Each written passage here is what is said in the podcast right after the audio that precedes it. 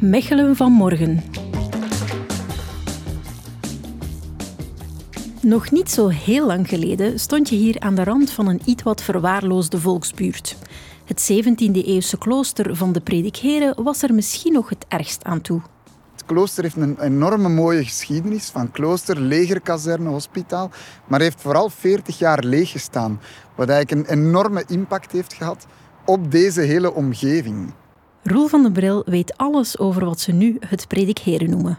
Mijn naam is eh, Roel van den Bril, cultuurcoördinator bij de stad Mechelen en verantwoordelijk voor het Predikeren. Stap voor stap werd deze buurt aangepakt. En het is eigenlijk in 2010 dat het stadsbestuur beslist heeft om eigenlijk de bibliotheek, waar het water aan het binnencijpelen was, eh, om die te verhuizen naar het Predikherenklooster. De restauratie van het klooster was een avontuur op zich voor de ontwerpers.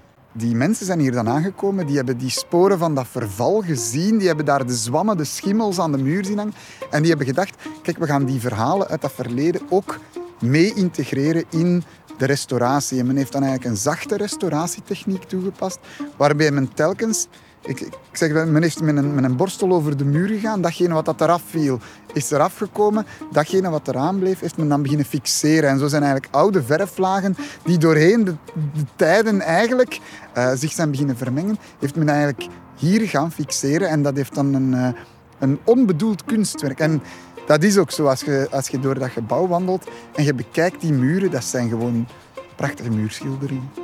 Zo'n historisch gebouw de 21ste eeuw inloodsen is uiteraard een hele grote uitdaging.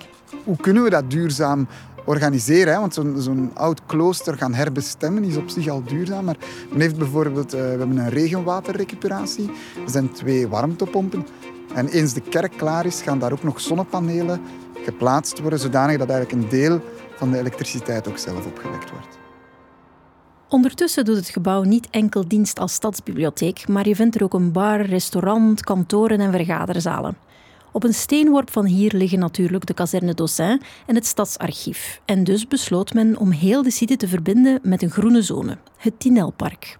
Het is een bepaalde sfeer dat je hier wilt creëren. Hè. Uh, dat moet hier zo'n hele ongedwongen sfeer zijn. Ik vind het ook leuk als er hier momenten een keer skaters zijn of als hier in de waterpartij, als daar gespeeld wordt. We zien ook heel veel frisbee-spelers of mensen picknicken. Dus dat is echt de bedoeling om hier een, eh, een nieuwe site te zijn binnen de binnenring. En de inspanningen van de stad blijven zeker niet onopgemerkt. Zowel bewoners als handelaars raken geïnspireerd om panden in de buurt te heropwaarderen.